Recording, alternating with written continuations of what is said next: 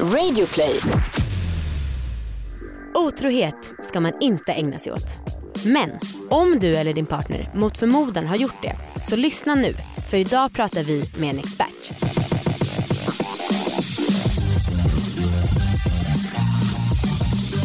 Hej allihopa och välkomna ska ni vara till succépodden Alla, Alla våra, våra ligg. Det är möjligt att det slutar vara en succépodd efter den här veckan eftersom att folk blir så otroligt arga när man pratar om otrohet. som vi ska prata om idag. Mm. Det här är en podd om sex, sexualitet och om att äga sina val. Jag heter Anna, du heter Amanda Tack. och vi ska ju som sagt prata om otrohet. Ja. Jag måste bara berätta en sak som var lite småkul som hände mig häromdagen. Eh, jag onanerade och fantiserade om någon annan än Marcus. Otrohet. Ja, nej, jag tycker inte det. Men ehm, när jag kom, Mhm. det här var så himla konstigt. När jag kom så min första tanke var då, jag älskar Marcus! Va? Alltså det var som att, jag alltså, som att min hjärna var liksom, eh, blev nervös över att jag fick en orgasm medan jag tänkte på någon annan. Ja. Ja. Känner du, har du upplevt det någon gång? Nej jag får mina starkaste orgasmer när jag tänker på andra människor. Jag älskar alla andra än Viktor. Nej men det är sant, alltså, för jag drömde en sexdröm om en person som jag tycker är väldigt attraktiv häromdagen. Ja. Och eh, då eh, påföljande dag kom jag tre gånger till den tanken. Ja, ja men jag fantiserar ofta om andra men, Mm. men det var just att min hjärna blev liksom nervös på något sätt. Nej jag har nog faktiskt aldrig, men alltså det var ju gulligt, Ja, lilla hjärnan. Åh, lilla Marcus. Ja. Ja. Eh, alltså Anna jag är så väldigt taggad på att spela in det här. Ja. För att jag vet att det är ett ämne som folk har så himla mycket åsikter om. Gud ja. Vi spelar in ett avsnitt nummer fem, alltså när vi fortfarande var anonyma och innan du ens var med. ja. Det här var ju tre år sedan. Ja, som Ja. var om otrohet och eh, där jag hade varit med en man som var otrogen och han var här och gästade. Mm.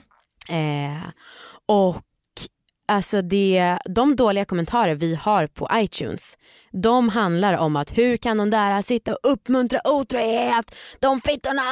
Är Alltså, det därför vi inte har fem av fem stjärnor på iTunes? Typ.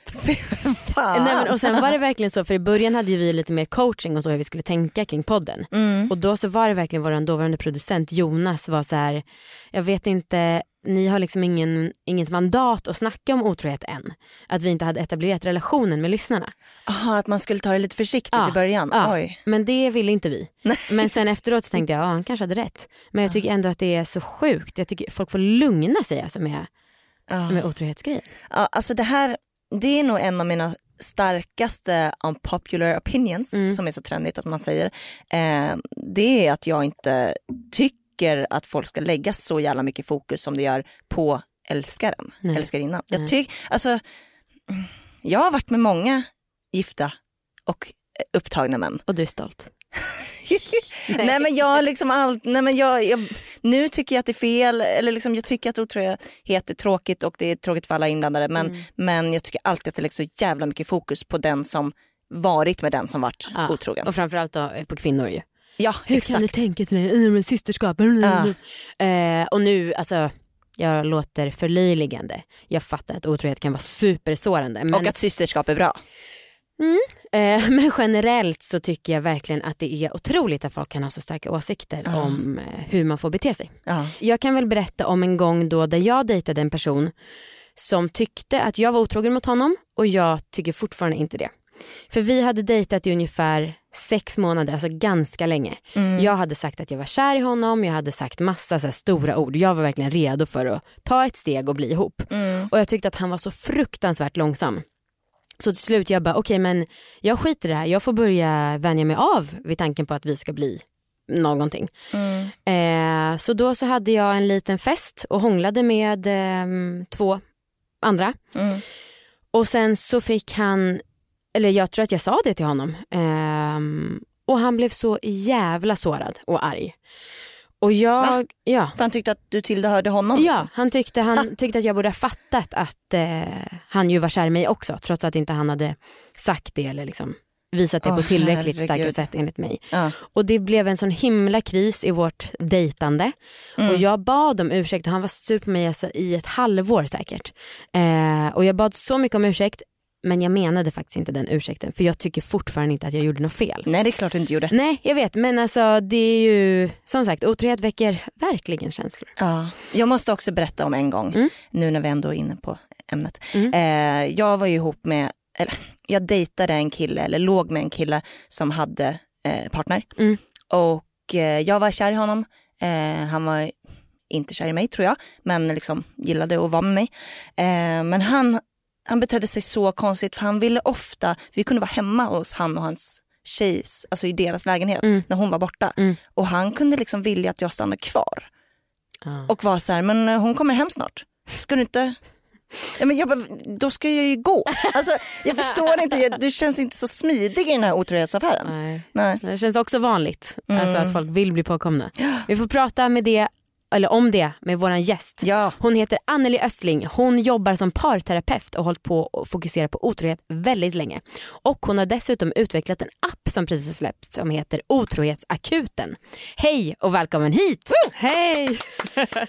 Tack, jättekul att vara här. Ja, hej, Jag herregud. såg att Vårt manus är liksom fullpackat med frågor. Åh, vad spännande. jag Ja. såg att du satt och nickade när vi pratade ibland. Och Ja.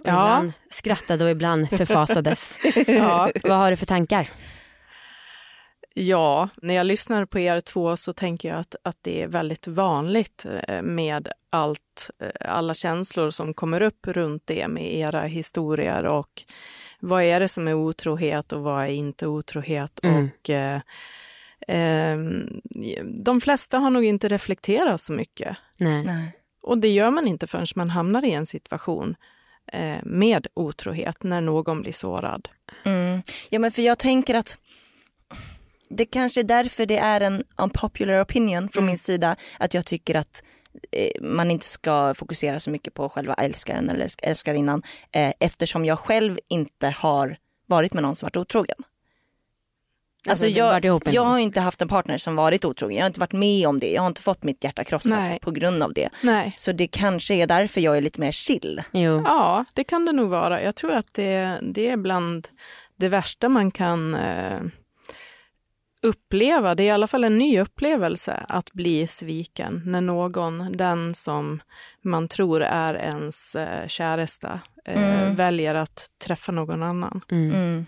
Ehm, vi la ju upp på Instagram att du skulle komma hit och, eller skrev att vi ska spela in ett avsnitt med en expert Mm. om otrohet och det var väldigt kul för det var en del som trodde att du var expert på att vara otrogen. Ja. och då så här, har hon inte dåligt samvete?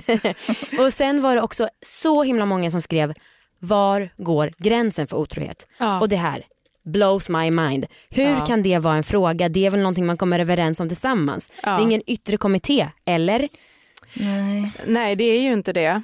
Eh, Och eh, för mig är svaret enkelt, men jag förstår att de flesta tycker att det är svårt för att man har inte ens funderat på det. Ja. Och ehm, eh, när man går in i någon form av ett partnerskap så är, finns ju bara de reglerna som man har bestämt emellan sig. Ja. Och det är väldigt sällan när man går in i en förälskelse att man börjar prata om vart gränserna går för otrohet. Det, det känns ju... eh, Man vill inte tänka på det. Nej, man vill inte tänka på det och det känns så oromantiskt. Ja. Eh, Men alltså ja, jag, jag har varit ihop med min kille i sju år nu. ja, Vi har fortfarande inte haft snacket. nej. Alltså jag, jag, jag bara förutsätter att vi tänker samma. Ja, Ehm, men det är ju egentligen så sjukt att vi inte har bestämt reglerna. Eller liksom att man på något sätt sätter, ja, så här, okej, så här, det skulle vara okej om du flörtar med andra men det skulle inte vara okej om du kysser någon. Alltså, det, Ja för samtidigt Ja. man kan inte heller skriva ner det i en bok för det är säkert också situationsbundet. Att Ja. en person kanske är okej om du kysser, en annan kanske känns jättekonstigt om du kysser. Och det kan, jag skulle nog tycka att det är mer okej om Marcus kysser någon än om han skulle ha en kontakt med en tjej väldigt länge och skriver liksom väldigt kärleksfullt, alltså så här, har en relation liksom Mm. på ett annat sätt. Alltså det är ju skitsvårt. ja. Det är jättesvårt att bestämma de här gränserna. Du sa att ni har inte pratat om det än. Du förutsätter att ni tänker lika om det. Ja. Och jag tror många gånger att man gör det. Det är först när det sker ett misstag och vi är människor. Det kan hända att vi, att vi trampar snett. Eh, och eh, då kanske man använder det som en ursäkt att ja, men jag trodde inte att det här var otrohet. Och, och sen så rullar det vidare. Ja, men hur kunde du tro att det här skulle vara okej för mig? Mm. Och, och så länge som man inte lägger sig platt för att förlåt, jag har svikit dig. Jag Mm. förstår det och, och jag hade känt likadant. Då, då kan det här rulla på, den här snö, snöbollen rulla på och, Mm. och sen blir det helt plötsligt ett problem. Mm. Istället för att säga att jag är jätteledsen. Jag, är, jag ångrar mig så att jag har sårat dig och jag förstår att du eh, känner dig otrygg. Ja. Var, hur tycker du att folk ska liksom lägga upp ett sånt samtal? Då? Om, vi skulle, om vi skulle tipsa alla idag eller liksom försöka uppmuntra alla idag, gå hem och snacka med era partners om var gränsen går. Ja. Liksom, hur ska man ens börja ett sånt samtal? Jag tycker det skulle vara bra att, att på ett odramatiskt sätt eh, bara säga du, det är någonting vi behöver eh, prata igenom. Mm. Eh, jag tror inte att det här är ett problem för oss, men om du och jag bestämmer nu så att vi vet Ja. vad som gäller. Vart går gränsen för otrohet för dig och var går den för mig? Mm. Och då kanske min partner tänker att men, men vadå, har du, har du planer på att Just det, för det låter det lite som. Ja, det låter lite som det. Men att, att, att kunna prata om allt, det tänker jag är en trygg relation. Mm. Jag har inte för avsikt, men det kanske är som så att jag skulle vara orolig för att du inte vet vart gränserna går. Och jag vill förebygga eh, trygghet mellan oss så att det inte kan bli några missförstånd. Mm. Jag vet inte hur jag ska säga det här utan att det ska låta som att jag är väldigt självförhärligande. Men jag kan för mitt liv inte förstå att det är så svårt för folk att prata om sådana här saker. Alltså jag kan verkligen inte det. Nej. Men det är ju uppenbarligen det. Vi får ju höra sånt Ja. varje Men ja, dag. hur typ. ser ett sånt förhållande ut? då? Vad pratar man om? Typ middagen och vädret? Eller Ja. vad pratar man? Jag fattar inte.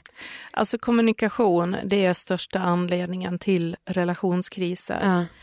Jag träffar ju väldigt många par dagligen och eh, ofta är det, eller är det kommunikationen som är det som är svårast. Mm. Och, och det kan vara det att man, man vågar inte eh, fråga, man vågar inte vara en, en eh, krävande partner. Många gånger så spelar man en roll inför varandra. Man träffas och så blir man den som man tror att partnern vill vara med. Mm. Även i åldrar när man bor ihop och kanske har barn. Nej, men då kanske det kommer sviter efteråt att, att man hade en roll när man träffades och sen helt plötsligt så ehm, eh, har man fastnat i de rollerna Mm. och eh, det är så viktigt att kunna eh, komma känslomässigt nära. Man Ja. kanske tycker att ja, men vi kan prata om allt, liksom. men, men det är inte på den här sårbara eh, på det sårbara sättet Mm. där man också visar att, att, eh, att det kan vara känsligt med vissa saker. Mm. Det här är jobbigt för mig att prata om, men Ja. vi behöver prata om det ändå. Mm. Att prata om, om praktiska saker som gäller familjen eller ehm, ja, det, det finns mycket som det är svårt för många att prata om. Ja. Jag tar till mig väldigt mycket eftersom jag och Marcus inte har haft snacket. Eh, men vi har ett relationssnack inbokat imorgon på dagen. Ja, vad bra. Innan vi tänker- ska ha bröllops toastmastermiddag. Yes. Smart. Ja. Du får höra av dig om den blir avbokad.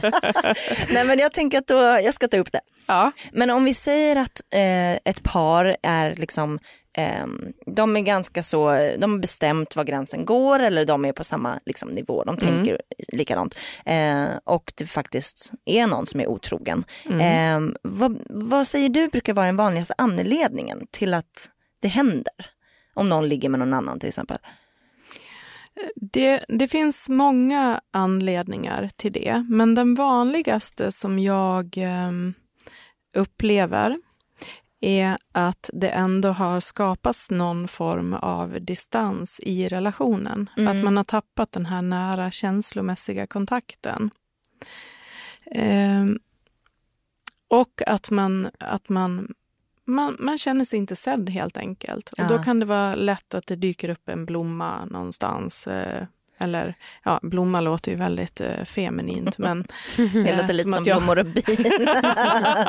Nej, men som att jag förutsätter att män är det. Det, det är inte så jag menar. Utan. Eh, om man behöver bekräftelse så kan det vara ett tillfälle om man inte känner sig eh, nära sin partner hemma. Ja. Eh, ja. Och vad brukar liksom, säga att det uppdagas Ja. eh, att den en har legat med någon annan. Hur bruk, vad skulle du säga är den vanligaste utgången? Liksom, blir, tar det slut? Tar förhållandet slut med folk som är otrogna? Nej, det är inte min... eh, De flesta klarar sig igenom det ändå. Nej, men jag, jag skulle nog kunna säga att en tredjedel eh, går ifrån varann. En tredjedel gör ett halvdant jobb med att reparera och accepterar att någonstans leva i en B-relation. Och Mm. en tredjedel tar situationen på allvar och verkligen eh, den som har svikit tar ansvar för att göra sin partner trygg. Men det är inte alltid så himla lätt för att eh, det fanns ju ofta en, en känsla, en anledning till att den ena var otrogen. Och då kanske det inte är så himla lätt att gå in och ösa kärlek och omtanke över den personen Nej. som man egentligen känner sig lite Mm. besviken på eller kanske till och med sviken av, av andra Ja, anledningar. just det. Mm. Eh, för det tycker jag var fint eh, på din hemsida och lite i appen också. Att där står och du påtalar ganska ofta att man ska inte underskatta hur stark en relation kan bli om man har lyckats klara sig igenom Mm. en otrohetsprocedur. Ja, Det tycker jag låter underbart. ja. ja, men de som har lyckats, det, det är fantastiskt. Eh, och jag förstår att det sker för att man får verkligen börja om från grunden. Mm. Och man, man behöver komma varandra nära och man pratar mycket mer. Eh, man börjar spendera mera tid tillsammans. Mm. Så att eh, det kan vara en sån här ny start som de flesta relationer skulle behöva för att det kan bli lite sömnigt efter ett tag. Och det krävs ett stort ansvar och lyhördhet att hela tiden checka av sin relation. Att har vi det bra tillsammans? Ja. Är, vi nära varandra? Att varje dag tänka på, alltså trivs min partner med mig? Jag tänker att det är väldigt många eh, av de som är otrogna som är det på fyllan. Ja, Att det kanske liksom finns en dragning och sen är man full och då händer Ja, det. Liksom. ja, det, det om, om Marcus skulle vara otrogen på fyllan så skulle jag ändå ha mer förståelse. ja, Mm. ja. Jag tänk, vad tänker du Amanda? Jo, jag tror också det. För att jag vet ju själv att jag ibland på fyllan kan tänka, hoho, vem bryr sig om man hånglar med någon?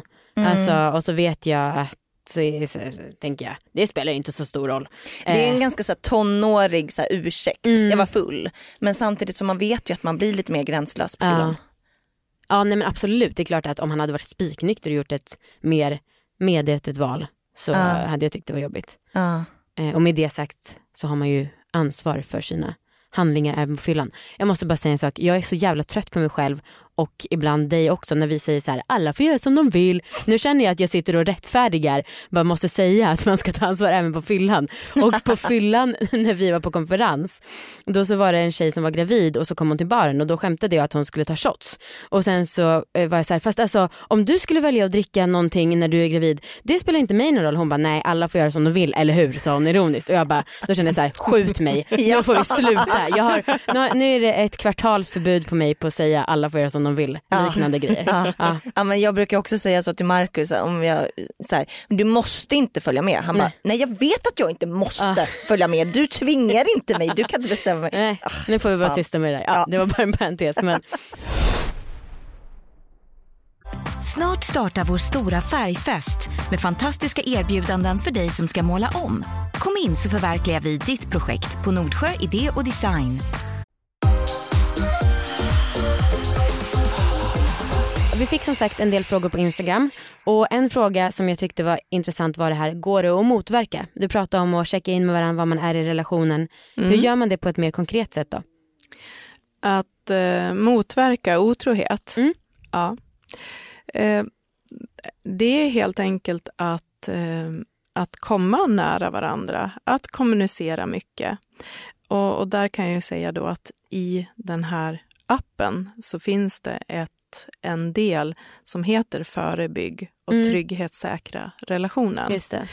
Och det handlar om alla de här viktiga delarna som behöver finnas i en relation. Att, att prata empatiskt med varandra, att lära sig att tycka om varandras olikheter. Mm. Hur säger jag förlåt? Ehm, ja, det, det är väldigt många saker där. Och kanske prata om gränserna. Vad man tycker att... Ja, absolut. Och våga ställa krav och ha förväntningar på sin partner. Det får bara partnern att känna sig mera viktig. Mm. Någonting som de flesta kanske undviker för de vill inte vara en krävande partner. Mm. Så att eh, det är många saker där, där man gör tankefel. Man tror att, att man är besvärlig när man egentligen visar partnern att den är jätteviktig för mig. Mm. Ehm, ja, så att, eh, att, att se till att vara nära varandra och att varje dag eh, checka in med sin partner. Ja. Ja. Mm. ja, det kan vi nog alla bli bättre på, tänker jag. Mm. Ehm, en gång otrogen, alltid otrogen. Är det din erfarenhet enligt det du har lärt dig? Det, det kan mycket väl vara så om man inte tar itu med problemet ordentligt. Ja. Och det är det jag pratar om. De som inte gör jobbet på riktigt. Mm. Eh, där man inte har varit tydlig med eh, vad man har för förväntningar och ställa krav. Mm. Och Mm. eh, där den som har blivit sviken känner sig... Eh, eh, ja, självkänslan har gått ner. Man kanske anpassar sig för att man tror att partnern egentligen är attraherad av någon annan. Det här går inte ur. Och då har man någon anpassningsförmåga och då i princip så tillåter man sin partner Mm. att eh, ja, inte vara otrogen. Men det blir någonting som ligger i luften att här finns inte tydliga regler. Mm. Eh, vad skulle du säga är, vilken form av otrohet är svårast att komma över? Ja, som du nämnde tidigare om man skulle vara otrogen på fyllan, det tror jag att man kan komma över. Ja. Men en otrohet som man aktivt har valt, som har pågått under en längre tid, där man har haft i princip en relation vid sidan om, Ja. där det också har förekommit, förekommit många lögner. Ah. Alltså lögner Mm. är svårare att komma över än själva otroheten. Ja, det tror jag också. Ja, Ja. såklart. Fy fan. Och det är så vanligt med lögner och det, det är så svårt att kunna bli trygg med en person som har valt att ljuga Mm. om och om igen. Mm. Ja, usch, vilken mardröm. Mm. Eh, samtidigt så vet jag, ja, men jag vet ett par som varit ihop väldigt, väldigt länge eh, där det började med en otrohet. Alltså att personen var liksom otrogen med, med den som det till slut blev. Ja, ja. Och då kan jag inte låta bli att tänka att det är liksom lite mindre allvarligt. För att det blev Mm. liksom, de hittade så här, den riktiga kärleken till Ja. slut. Ja. Ehm, ja, Det är nog ganska många som tänker så. Ja, samtidigt som man hade nog inte, alltså det, det kanske känns inte lika okej i början av det. Nej, Men sen så blir det mer och mer okej. Ja, ja, ja. Alltså som den som eh, den här personen är otrogen med, Mm. den personen är ju förmodligen också väldigt förälskad i det eh, i den stunden om man väljer att bli ett par. Så då Ja. kanske man inte har så granskande ögon. Men det här är ju någonting som kommer sm- smygande längre fram då. Men jag tror att man lite grann kan avläsa eh, personer om man är lyhörd. Mm. Är det här en person som, det här var en engångsföreteelse, att den här personen träffade mig. Ja. Hur har den här personen agerat efter det här? Hur hanterade den här personen själva otroheten och sitt ex? Mm. Jag blev ihop med en kille som var, han var otrogen med mig och vi hade en affär kanske någon månad och sen gjorde han slut med sin tjej och sen var vi ihop i ett par år. Eh, och den här personen, jag tror att han har varit otrogen med mig, jag vet inte men han var otrogen mot varenda tjej han hade haft innan mig och det hade alltid avslutats på samma sätt. Så jag gissar att han var otrogen med mig också.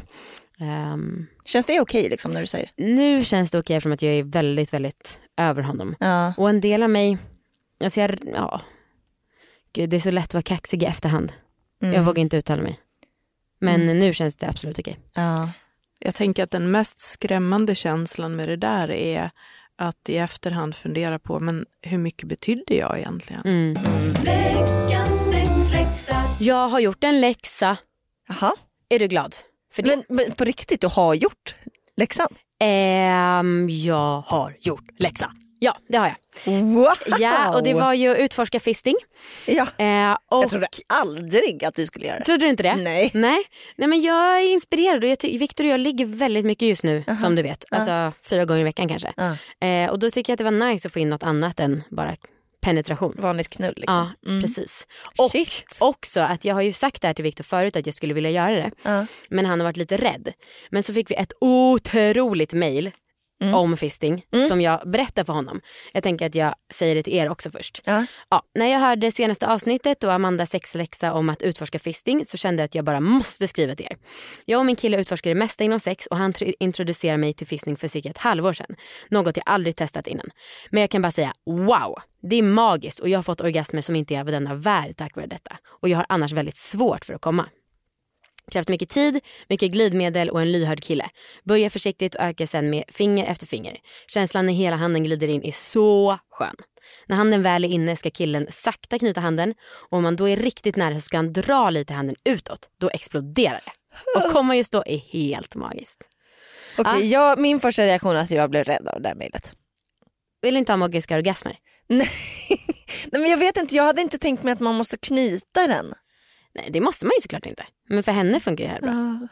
Ja. Okej, men vadå, har du gjort det här nu? Eh, ja men då läste jag upp det här mejlet för Viktor för att få lite pepp och eh, efter det så gick han med på det. Aha. Eh, så då så duschade jag, freshade upp mig.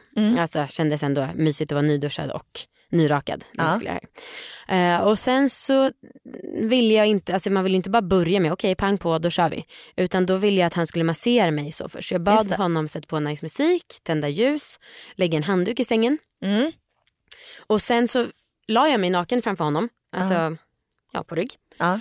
Eh, och jag tycker att det är väldigt, jag, ja, men jag känner mig väldigt sexig i den positionen. Okej. Jag önskar att Viktor ännu mer behandlade mig som en gudinna då. Men jag tycker liksom att det är sexigt att jag kan ligga avslappnad där framför honom, könet uppfläkt, brösten Ja. så. Men du ligger liksom helt platt. Ja, helt platt och helt näck. Mm. Eh, men så bad jag ändå honom massera mig helt kropp så att vi skulle få eh, lite stämning och så. Mm. Och det var väldigt bra, fint och stämningsfullt och så. Ehm, men sen blev det tyvärr lite tillbakakaka från förra året när jag råkade massera Viktor med en sån varm olja. Jaha. För vi hade ställt fram typ fyra olika glidmedel och den här kroppsoljan. Aha. Och jag gjorde då så att hans kön började brinna typ och avbröt modet helt och hållet. eh, och när han masserade mig med den då tänkte jag så här: okej det kanske inte är bra om det här kom in i mitt kön men det kändes lite som att den hade gått ut för jag tyckte inte det var alls varmt på kroppen. Åh nej. Så då när han väl började hålla på inne i mig då bytte han glidmedel men då hade han ju fortfarande kvar, kvar på händerna. Ja. Åh. Eh, och det absolut att slemhinnorna och så kände av det här starkare än kroppen. Nej Så det- fan. Eh, så då bad jag honom gå och tvätta händerna och så kände jag fan vi som hade så bra mode. Men Du gick inte och duschade typ då eller? Nej för jag tänkte ändå att det kändes OK så var jag så här fuck tänk om jag får några samlagssmärtor av det här. För det är sånt som kan utlösa sånt. Men så tänkte jag nej men jag är ändå så pass trygg att jag Ja. tror att det är lugnt. Ja. Ehm, mm, ja, men så kom han tillbaka och så började han ju eh, lite in och ut, lite in och ut. Eh, och till slut så började det kännas ganska som att jag var väldigt fylld. Mhm. Och då frågade jag honom hur många fingrar det var i och då var det fyra. Och det tycker jag är konstigt för att alltså, så mycket, om man drar ihop fingrarna som Ja. att de blir, Så, så Ovala. tight som möjligt, Ja. de ligger på varandra liksom. det är inte så mycket större än en kuk. Nej fast jag tänker här vid knogen, Ja, där är det jävligt men brett. han var nog inte inne hela vägen då med knogen. Ja, okej. Och som den här mejlskrivaren skrev att det var faktiskt extra härligt när han väl drog ut händerna. ja. Och jag ansträngde mig verkligen där för att inte börja spänna mig och tvinga fram en orgasm även om jag var väldigt sugen på att bara explodera i det. Mm. Eh, och sen så tog han in fem fingrar Ja. Aha. Och då börjar, alltså det gjorde inte särskilt ont men det var lite obehagligt. Det kändes som att han tryckte typ mot, bak mot mitt skelett på något sätt. Det kändes lite som att jag hade en sten inuti mig. eh, och så försökte han lite och då kom han liksom till första knogen. Okej. Eh, men efter det så kände jag nej det här känns inte helt skönt. Det var skönare när han hade fyra fingrar. Ja. Så då fortsatte han med det Ja. och sen så kom jag. Okej. Ja. Och sen så var jag lite besviken över vadå, hur, men vadå kom? Eh, då, ja, han fortsatte hålla på med händerna in och ut för det var så skönt. Ja. Och sen var jag så jävla glidig så att det var nästan svårt att stimulera klitoris. Ja. Men jag gjorde det själv för jag ville Ja, att han skulle fokusera på händerna. Fattar, fattar. Och sen var jag lite besviken på att han inte hade stånd efteråt. Eftersom att jag som sagt ville känna mig som en gudinna. Ja. Eh, och då så sa jag det till honom, inte som en kritik utan bara som en allmän reflektion eftersom att jag ändå hade slängt upp mig helt sårbart framför honom. Mm. Och då sa han, ja, jag var mer fokuserad på, att här, alltså på teknik och på ett jobb. För mig var det nog inte så sexig art. Det kan jag verkligen förstå. Okej. Eh, men i alla fall, sen hade vi sex eh, för att jag Ja. Ville att vi skulle göra det. Ja. Eh, och det var så jävla skönt för mig. Huh. Han kände ingen skillnad. Men för mig var det som att min livmodertapp var helt mjuk. Jag kände att jag skulle kunna squirta när som helst. Oj, Eh, ja. och det var en behaglig känsla. ja, alltså det är ju alltid lite speciellt att bara släppa efter den där känslan. ja. Men jag tyckte att det var nice. Shit. Men då var det tyvärr fokus på att han skulle få komma. Ah, fy jag- fan. Ja, I know. Usch. Eh, ja, och sen efteråt så skulle vi hämta in våra katter. Och då så tänkte jag så här, jag kan göra det för nu har ju Viktor varit snäll och gjort med den här tjänsten. Sen jag gav mig själv en mental bitchlap bara, nej Amanda, han har inte gjort mig en tjänst. För Nej. ibland kan jag känna att jag tjatar och tvingar Viktor, eller liksom, eh, ja så. Ja. Det är ju ändå mitt jobb vi gör det för. Ja. Eh, men så sa jag till honom att jag kände så och sa nej så behöver du verkligen inte känna. Och jag bara nej eller hur, du, visst du borde säga tack till mig för att jag kommer med ny inspiration till vårt förhållande hela tiden. ja, det är fan sant. Och då kysste han mig och sa det är verkligen sant, jag älskar dig. Åh, gullig. det är verkligen helt Ja sant. men visst, ja. man kan ju känna sig fett tjatig mot Marcus och Viktor. Gud ja. Jag brukar motivera för mig själv att han är med i min styrelse i mitt bolag. Eh, Och att därför är det av hans intresse också att vi ska göra grejer. Men det är ju verkligen, alltså fan vilken lyx för dem att ha tjejer som bara kommer på saker hela Ja. tiden. Ja men herregud. Ja. Alltså, det är ju så när vi har frågat Marcus om, nu får du bestämma vad vi ska Alltså det blir ju ingenting. Nej. Eller det blir liksom Va- vanligt. Alltså, ja. Vi är fucking hjältinnor Anna. ja, det är vi fan. Och nu ska jag ge dig en läxa. Ja. Jag Marcus ska ge dig en bröstmassage. Oj. Du ska ligga där, du har skitsnygga bröst, han är aständ på dina bröst. Mycket olja, mycket fukt som du gillar. Ha. Och sen så massera sexigt, lite nipple play, hej och. Gud vad härligt och vad kul. Mm, Vad överraskande. Det här var ju inte på min lista över Nej. önskemål. Ehm, kul. Mm. Det var ju en gång som jag nästan lyckades komma genom Bara bröst. det, mm. Ja. Det skulle ju vara coolt om jag lyckades. Mm. Mm. Verkligen. Tack. Varsågod. Om man inte lyckades klara sitt förhållande som var med om en otrohetsaffär och man går in i en ny relation och är den som är sviken. Hur kan man jobba för, med sina hjärnspöken för att lyckas lita på någon igen? Mm. Då är vi tillbaka till det där med kommunikationen. Då kanske man har en större anledning och med mera erfarenheter i bagaget att det här är någonting som är väldigt eh, sårbart för mig. Mm. Det här är en, en punkt där jag kanske kommer att överreagera och jag vill att du ska veta om det. Ja. För om du vet om det och du kan hjälpa mig i en sån situation om jag blir otrygg så kommer det inte att bli ett problem. Är man ett A som man då som eh, partner tänker men varför ska jag behöva drabbas så hårt av det som du inte redan har rätt ut?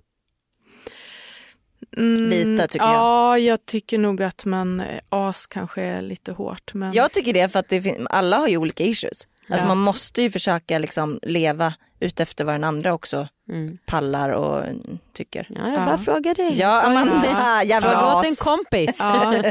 Nej men det är klart att, att om jag har blivit sviken och jag kräver att du ska förändra ditt beteende eh, och begränsa dig, det, det tycker inte jag är okej. Nej. om jag, om jag visar min sårbarhet och säger att du, jag vill bara att om du kan tänka på de här sakerna lite Mm. extra mycket. Mm. Eller att du har överseende. Jag vill inte vara så här men jag har tidigare blivit sviken och, och det här triggas ibland. Mm. Det där är ju väldigt bra sagt för att just skillnaden på att visa sin egen sårbarhet Ja. och vara klängig någonstans och kräva förändring. Det är Ja. två helt skilda saker som känns som att folk ofta blandar ihop. Ja. Ja. Gud ja. Och också just det här med att man någonstans säger någonting genuint. Alltså om man, om man säger för mig är det viktigt bla bla bla att eh, du visar att jag är din. Och så, blir man, och så kanske man liksom hintar om, eller man, man tänker att då så ska den andra förstå att det betyder att du inte får gå ut och dricka öl med dina kompisar på Mm. lördagar. Mm. Ehm, det är ju ja, men så att man har en genuin eh, tanke med det man säger och inte försöker manipulera på det Nej, sättet. verkligen. Jag hade ju ett mar mitt mardrömsförhållande jag har haft. Eh, det, det var med en kille som var extremt svartsjuk. Alltså jag fick inte umgås ens med kompisar. Eh, och han var väldigt liksom hårdhänt och så. Eh, och det var fruktansvärt. Men det var också för att han hade liksom varit med om saker tidigare och att jag då skulle ha någon slags förståelse. Mm. Eh, och det tycker jag är ju sinnessjukt. Så det måste ju också finnas en gräns där. Ja. Alltså, man måste ju kunna, alltså, jag tänker att ja, visst man ska ha förståelse för att någon annan har ett bagage och liksom kunna prata om det och vara lite finkänslig. Men ja, man ska inte kunna styra någons liv. Liksom. Nej. Och jag tänker att det, det kan aldrig bli mitt problem Nej, egentligen. Sen kan jag välja att hjälpa dig Ja. Med, den här sårbarheten, ja, med det här såret. Eh, ja. Man har alltid ett eget ansvar och sen har man ett gemensamt ansvar för relationer. Jag är alltid ansvarig för hur jag agerar och vad jag säger. mm. Vill folk i allmänhet veta vad partnern har gjort i detalj? Vill man veta så här, jaha, var kysstes ni? Ah, var det oralsex? Det här tycker jag är jättespännande för att eh, jag tror att har man en, en partner som har eh, varit otrogen, om den partnern visar en transparens och säger att du, jag berättar allt som du behöver veta för att du ska bli trygg igen. Mm. Jag är inte säker på att det, det är bra för dig att veta detaljerna, men om du behöver veta dem Mm. så kommer jag berätta. Mm. Så får du ta det ansvaret själv. Jag tror att då, då kanske man inte ens behöver veta någonting mer. Mm. Det, kan, det kanske kommer några frågor, men om partnern inte vill berätta eller om man märker att partnern försöker att undanhålla saker, kanske för att skydda mig, Mm. eh, då, då känner man det. Jag tror att man känner när det inte riktigt blir trovärdigt, när det inte blir tryggt rent. Mm. Mm. Och då blir man ännu mer nyfiken. Så om partnern kan erbjuda en transparens från början, då tror jag inte att den som har blivit sviken behöver veta allt. Nej. Jag tror att jag vet svaret på den här frågan men jag tänker ändå ställa den för jag Ja. tänker att det är skönt att höra från en expert. Eh, kan man älska även fast man bedrar någon? Kan man älska den personen man bedrar? Ja, det tror jag att man kan göra. Otrohet har många gånger ingenting med kärlek att göra. Nej. Så att eh, jag tror att man kan älska fast man bedrar. Mm. Mm. Men man har ett problem som man behöver ta itu med. Så poetiskt. Ja. Eh, ja och sen så din app då? Ja, Den heter ju Otrohetsakuten ja. och ehm, varför ska man ha den? Ja, eh, den, det är så många som drabbas av otrohet och otrohet är så skamfullt. Man Mm. kanske inte vill prata om det, man vill inte berätta för sina kompisar om man har drabbats av otrohet, Mm. för man skäms lite, man har blivit bortvald. Eh, så det är, det är många som inte eh, söker hjälp Mm. eller vänder sig till vänner som man kan behöva. Och då, eh, jag började blogga om otrohet för att jag upptäckte själv att det fanns så lite information Ja. eftersom jag jobbar som parterapeut. Eh, I början av min karriär som parterapeut så var jag själv lite rädd för att möta par med otrohet för jag tyckte att det verkade läskigt med två eh, arga personer och en stor konflikt och hur Mm. ska jag hantera det. Mm. Men då började jag läsa på och göra research och sen skrev jag några blogginlägg och de här blev så välbesökta. Och efter det så började k- par komma farande från hela Sverige för att eh, besöka mig och få hjälp för att de trodde att jag var en otrohetsexpert. Mm. Och i och med det så har jag blivit otrohetsexpert för att jag har träffat så många par med otrohet Ja. och därav också varit fullbokad Mm. eh, i flera år.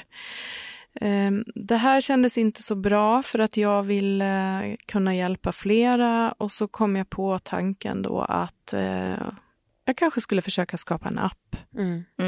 En app där jag gör mig skalbar, där par kan vara anonyma, där eh, par som bor på landsbygden, glesbygd, där det inte är så lätt att hitta en parterapeut. Alla har möjlighet att få hjälp av den här appen. Och Okej. den, den innehåller då eh, fem olika processer eh, som är... Den bygger helt enkelt på 200 A4-sidor skrivet material där, så, där man går från steg till steg. Mm. Ja.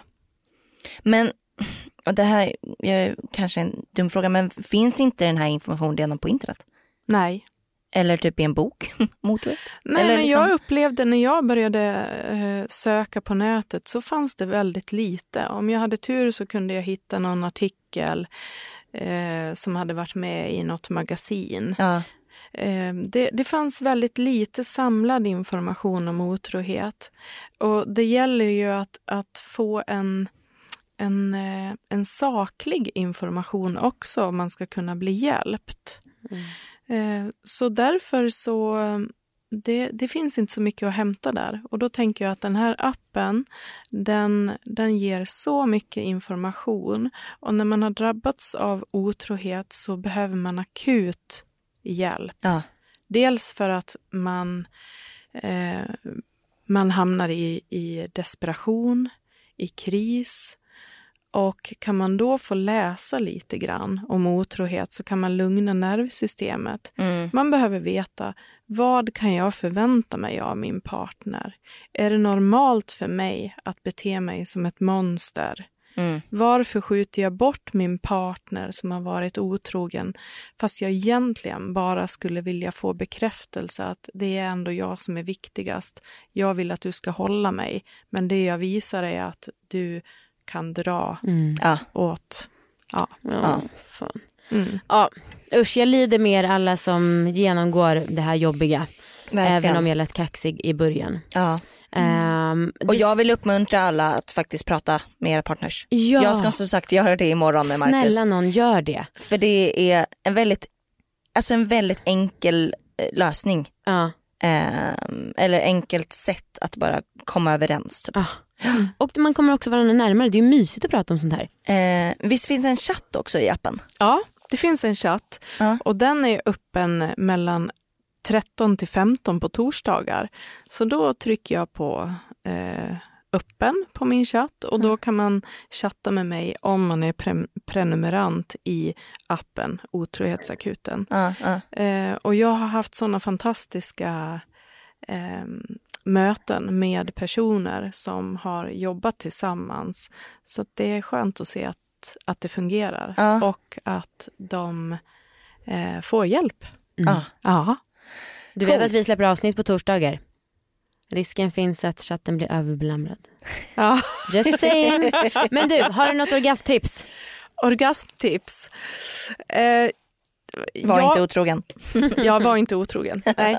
Jag tror att jag, liksom många andra kvinnor, tycker att det är härligt att känna oss eh, nära våran partner. Mm. Eh, att man har tagit tid att prata.